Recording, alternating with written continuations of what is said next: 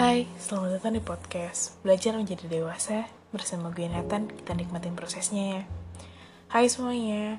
Uh, Di topik kali ini Gue pengen bikin toxic relationship part 2 Kayaknya gue ngerasa um, Toxic relationship yang Eh, relationship yang pertama itu Ngerasa kurang lengkap aja. Dan emang lebih ke bagian ini sih relation gitu bener-bener relasi bukan pasangan. Nah, kali ini gue mau mencoba um, sedikit ngasih beberapa info dari beberapa um, banyak banget interview-interview yang udah pernah gue tonton. Terus cerita-cerita orang yang udah pernah gue bacain tentang toxic relationship itu sendiri. Um, gini. Dasarnya sama. Setiap toxic relationship itu relationship itu punya dasar di mana lo itu merasa terkekang, lo merasa tidak bebas, um, sorry, lo merasa terkekang dan tidak bebas itu udah pasti. Yang kedua, lo udah pasti tidak bisa berkembang, itu udah pasti. Yang ketiga, ada satu pihak yang selalu memaksa lo dan itu lo harus kayak apa ya, kayak lo ada satu pihak yang selalu memaksa lo gitu. Dan yang keempat,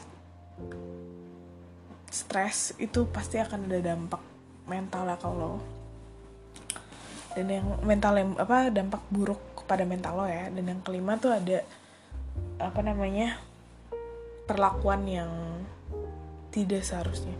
Itu lima basic yang menurut gue yang gue banyak ambil dari beberapa yang gue simpulkan dari beberapa interview orang-orang tentang mereka pernah dalam toxic relationship yang kayak ini yang bener-bener sampai kasar ya. Yang sampai nunjukin ceweknya atau gimana. Terus sampai ngata-ngatain ceweknya kayak bajingan lah atau um, pelacur lah atau apa pun itu gitu. Um, percayalah untuk li untuk keluar dari lingkaran setan kayak gitu memang sangat sulit. Ini gue belum jujur gue belum pernah menemukan secara langsung benar-benar di lingkungan sekitar lingkungan gue gitu punya toxic relationship gitu sampai sekarang. Jadi gue cuman hanya ini sesuai opini gue gitu ya. Boleh kalian pikirin opini gue ini ini disclaimer dulu deh. Boleh kalian pikirin opini gue boleh kalian carna boleh kalian mungkin ada yang sesuatu yang bisa kalian ambil dari podcast gue dan sesuatu tindakan yang bisa ngerubah um, hidup kalian mungkin tindakan yang bisa setidaknya mempengaruhi hidup kalian gitu. Gini keluar untuk dari lingkaran setan kayak gitu itu susah banget. Gue tahu itu susah banget it's really hard. Um, dalam suatu interview gue lihat eh, gue deng apa ya ada pertanyaan gini. Kenapa nggak pernah dilaporin polisi gitu. Padahal udah nunjukin sampai operasi udah sampai nunjukin sampai otaknya itu ada panda, ada sedikit atau koraknya itu retak gitu kan. Saking kasarnya. Jawabannya karena dia kasihan gitu. Dia berlutut di gue kata si perempuan ini ya. Dia berlutut ke gue dia minta minta maaf dijanji akan ini dan gue ngerasa luluh. Jujur kalau kita orang awam orang normal mikir itu nggak normal kan kayak lo udah disakitin orang secara fisik nih udah bukan lagi secara verbal aja tapi benar-benar udah secara fisik. Jadi yang di mana ini tuh udah nggak bisa ditoleransi gitu. Bahkan lo bukan dalam suatu pernikahan dalam bukan suatu ikatan pernikahan gitu. Lalu ditanya lagi kan um, dalam ini beda orang lagi kenapa nggak pernah memutusin? Karena suatu ketika pernah gue mutusin dia gitu. Dan dia neror gue setiap hari. Dia ngestalker gue setiap hari ngefotoin gue ke mana aja ngetrackin semua kegiatan gue. Oh my god. Itu itu udah di tahap yang itu salah banget gini. Dalam sebuah relationship kepercayaan itu yang paling penting. Komunikasi dan kepercayaan dua itu adalah suatu hal bang hal yang paling penting untuk membangun sebuah relationship khususnya relationship dalam percintaan kalau lo sendiri nggak bisa percaya sama pasangan lo kalau lo sendiri gak mau membicarakan hal itu dengan pasangan lo atau berkomunikasi dengan pasangan lo percaya sama gue itu adalah toxic relationship. Itu benar toxic relationship yang sesungguhnya. Ketika lo tidak percaya dengan pasangan lo ketika lo tidak bisa berkomunikasi dengan dia karena nggak akan ada perkembangan. Malah mungkin yang ada malah kalian saling nyakitin satu sama lain gitu tanpa kalian ketahui. Dan untuk kayak kalian yang mungkin lagi di dalam tahap apa ya pengen keluar dari lingkaran ini tapi percayalah sama gue. Akan ada, akan ada masa yang kalian keluar dari situ. Yang kalau gue lakuin ketika mungkin gue di lingkaran itu adalah gue minta sama semua dukungan orang. Gue gue sampai gue minta dukungan orang di, sos di sosmed. It's really okay untuk minta bantuan sama orang lain di sosmed itu sangat sangat oke okay. karena sekarang kalau kita lihat ya di media sosial tuh sangat aware banget masalah-masalah kayak gitu. Sempat di beberapa video-video uh, viral kemarin di TikTok atau di mana ada ada seorang perempuan yang minta tolong kayak ada kadar di rumah. Ya gue gak tahu sih itu bener atau enggak tapi pokoknya banyak kalau sekarang orang-orang yang aware banget tentang tentang itu gitu loh. Kayak men, bis, apa ya sosmed tuh bisa banget membantu kehidupan sosial di dunia nyata juga sih. Jadi menurut gue cara pertama yang akan gue lakuin adalah gue akan minta tolong ke siapa pun seriusan gue akan minta tolong ke semua orang. Karena gini lo tuh di situ tubuh lo tuh lemah pikiran lo kacau tubuh lo lemah jadi lo butuh seseorang yang bantu lo. Gak usah gengsi gak usah mikirin dulu harga diri tapi mikirin lo keselamatan lo. Apalagi kalau misalnya itu udah sampai main fisik ya itu udah lo harus nyelamatin diri lo sendiri dulu gitu. Jangan dan yang kedua jangan pernah mikir kasihan jangan pernah mikir gimana gimana dia gak akan bisa hidup tanpa lo nggak. Gitu nggak mungkin. Karena gini kalau dia beneran sayang sama lo kalau dia beneran cinta sama lo dia beneran bener-bener menghar apa ya bener-bener punya lo nih sebenarnya kayak dia merasa kalau lo tuh satu-satu yang punya dia ngapain dia nyakitin lo? Logika simpelnya gitu kan. Ini gini kalau ada orang berbuat bahkan cowok nih ya kalau cowok lo udah pernah ngegampar lo sekali aja I think you have to think about it really think about it about what's next you gonna to do with your relationship gitu. Apa yang lo akan lakukan dengan hubungan kalian gitu. Karena jika pas masih pacaran aja udah main kasar gimana nanti kalian mau hubungan yang lebih serius? Kan memang tujuan pacaran sebenarnya kan untuk jenjang yang lebih serius ya maksudku pernikahan gitu. Kalau misalnya pada saat pacaran aja dia udah kasar udah main tangan bahkan perkataan dia yang keluar dari mulut dia ke kamu itu udah bikin kamu sakit hati banget aku rasa udah nggak punya excuse lagi untuk kamu mempertahankan dia sih. Karena ya ya apa ya? Bahkan orang tua lo mungkin gitu ya. Bahkan ya kita ambil orang tua gitu bahkan orang tua lo belum belum tentu ngata-ngatain lo sekasar dia gitu. Padahal ini dia baru datang berapa berapa lama sih dalam kehidupan lo? Itu sudah ngata-ngatain lo kayak gitu udah main kasar sama lo gak kayak gitu cara mainnya. Kan katanya sayang itu sayang beneran atau gimana? Itu yang yang yang yang langsung gue terlintas dari pikiran gue gitu. ini gue lanjut lagi dari um, beberapa video di YouTube dan beberapa artikel jujur kalau kalian tanya YouTube-nya apa gue agak lupa. Soalnya kemarin tuh sempat bener-bener macam-macam banget.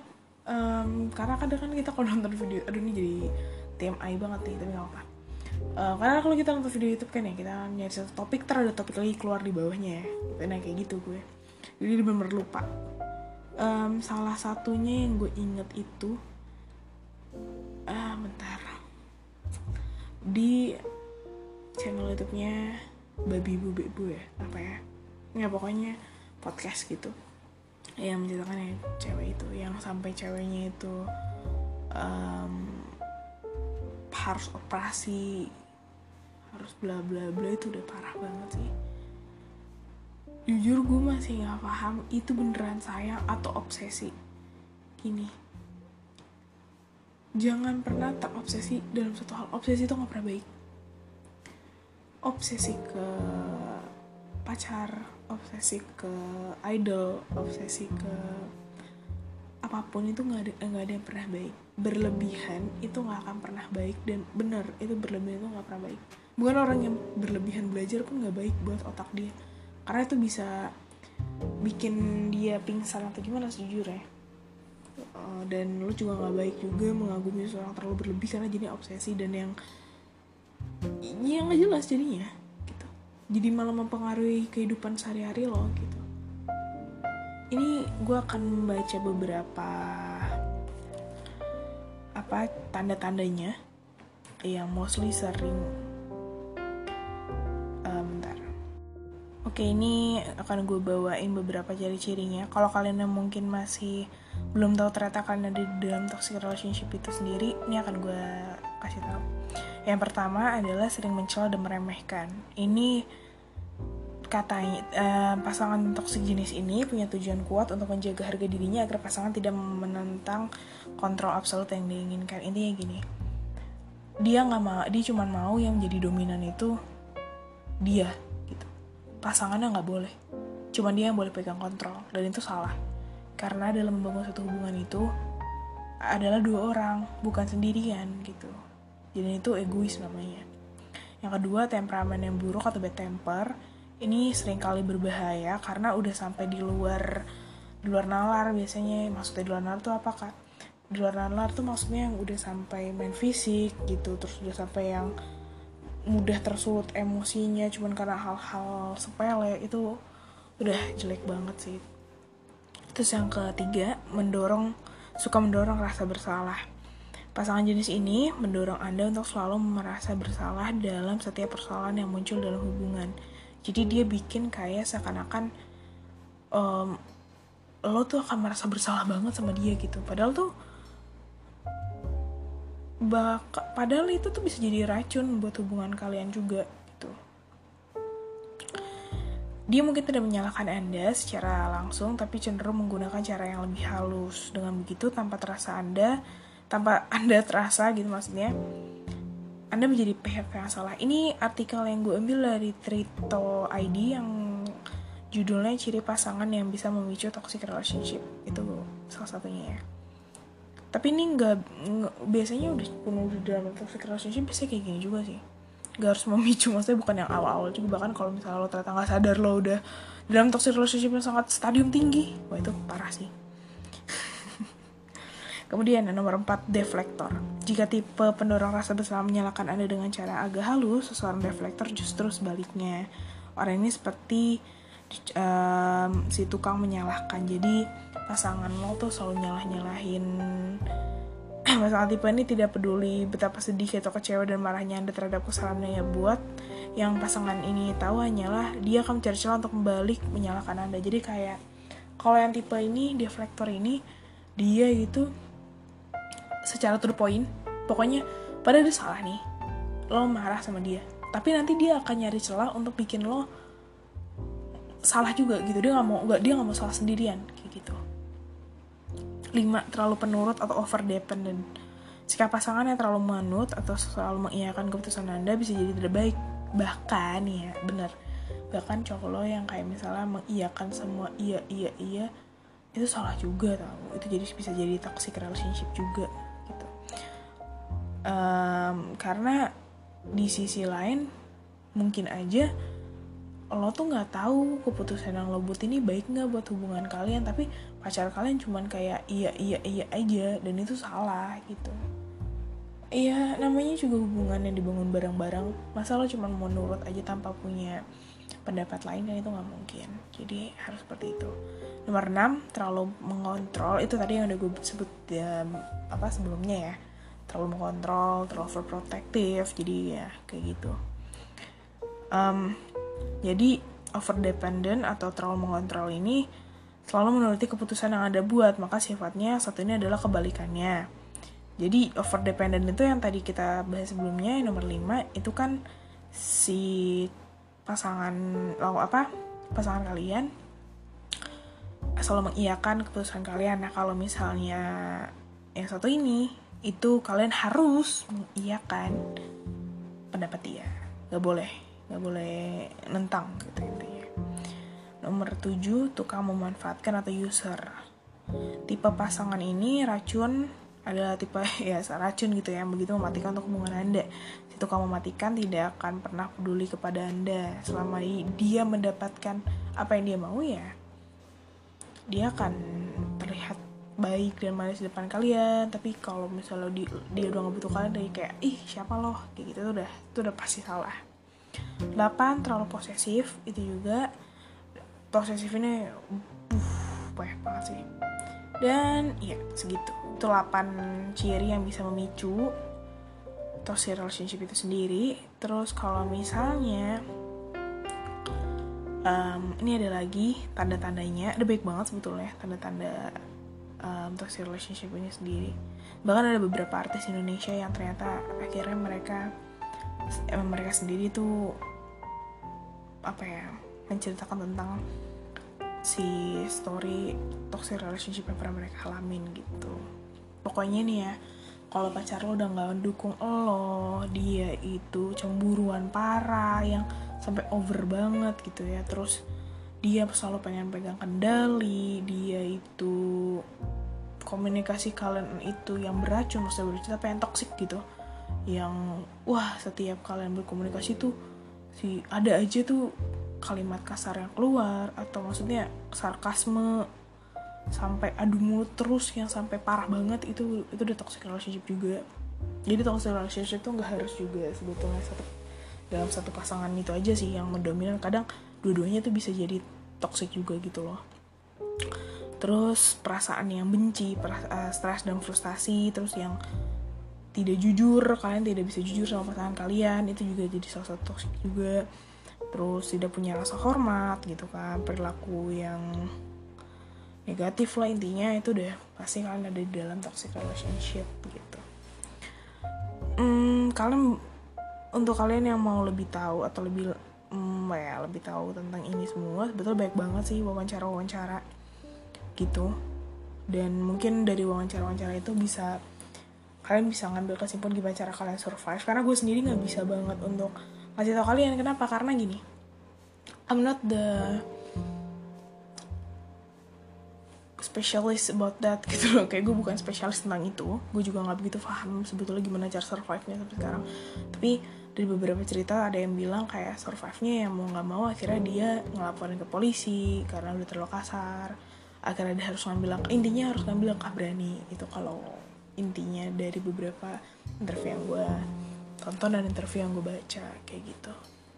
Uh, toxic relationship ini sendiri kadang nggak harus cuman dari pas apa si lawan pasangan kamu aja sih saya kalau lawan pasangan sih? Lawan kamu? Ya gimana? Lawan jenis kamu? Gimana?